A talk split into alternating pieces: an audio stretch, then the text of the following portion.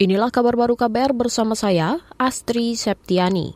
Neraca perdagangan Indonesia kembali surplus meski dengan nilai surplus yang menyusut.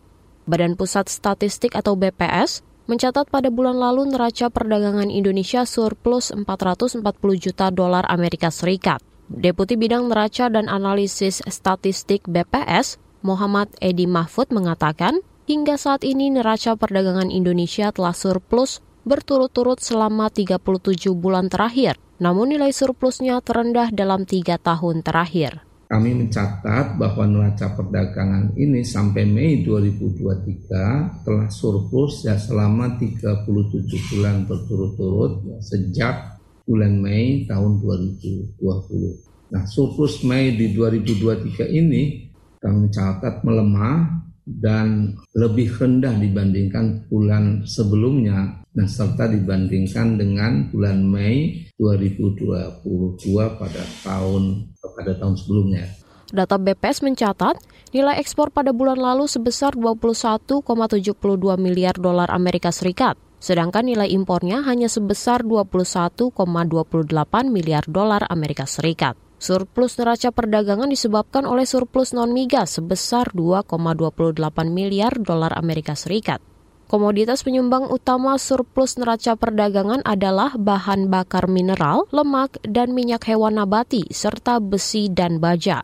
Tiga negara penyumbang surplus terbesar adalah Amerika Serikat, Filipina, dan India.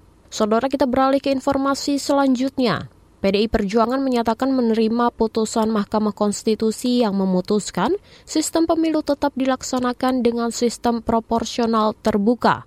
PDIP merupakan satu-satunya partai politik yang mendukung perubahan sistem pemilu dari proporsional terbuka menjadi tertutup. Politikus PDI Perjuangan Arteria Dahlan mengatakan, putusan itu merupakan bagian dari peradaban hukum dan pengayaan, serta penguatan demokrasi di Indonesia. Ya, pada hari ini kita sudah mendapatkan kepastian hukum, hadir putusan Mahkamah Konstitusi yang begitu luar biasa, begitu fenomenal, harus kita akui menjadi bagian daripada pengayaan dalam konteks kehidupan hukum, khususnya hukum ketatanegaraan dan demokrasi. Pada prinsipnya kami menghormati putusan Mahkamah Konstitusi ini. Politikus PDI Perjuangan Arteria Dahlan mengatakan, sebagai partai yang sudah matang di dunia politik tanah air, PDIP siap mengikuti agenda pesta demokrasi nanti dengan sistem proporsional terbuka atau tertutup. Sebelumnya, Mahkamah Konstitusi memutuskan menolak gugatan sejumlah warga negara terhadap Undang-Undang Nomor 7 Tahun 2017 tentang pemilihan umum, terutamanya pasal 168 tentang sistem proporsional terbuka. Dengan putusan ini, maka sistem pemilu tetap menggunakan sistem proporsional terbuka. Saudara, Komisi Nasional Hak Asasi Manusia meminta upaya pemerintah memerangi tindak pidana perdagangan orang atau TPPO dibarengi dengan upaya menurunkan angka kemiskinan di daerah.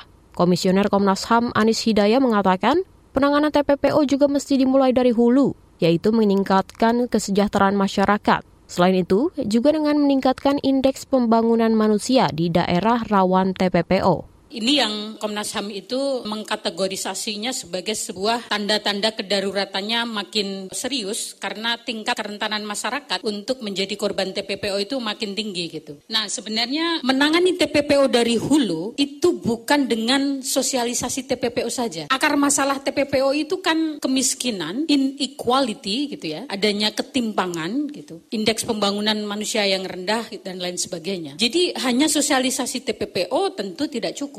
Komisioner Komnas HAM Anis Hidayah mengatakan, upaya memerangi tindak pidana perdagangan orang tidak cukup dengan proses penegakan hukum, namun perlu dibarengi aksi dari hulu.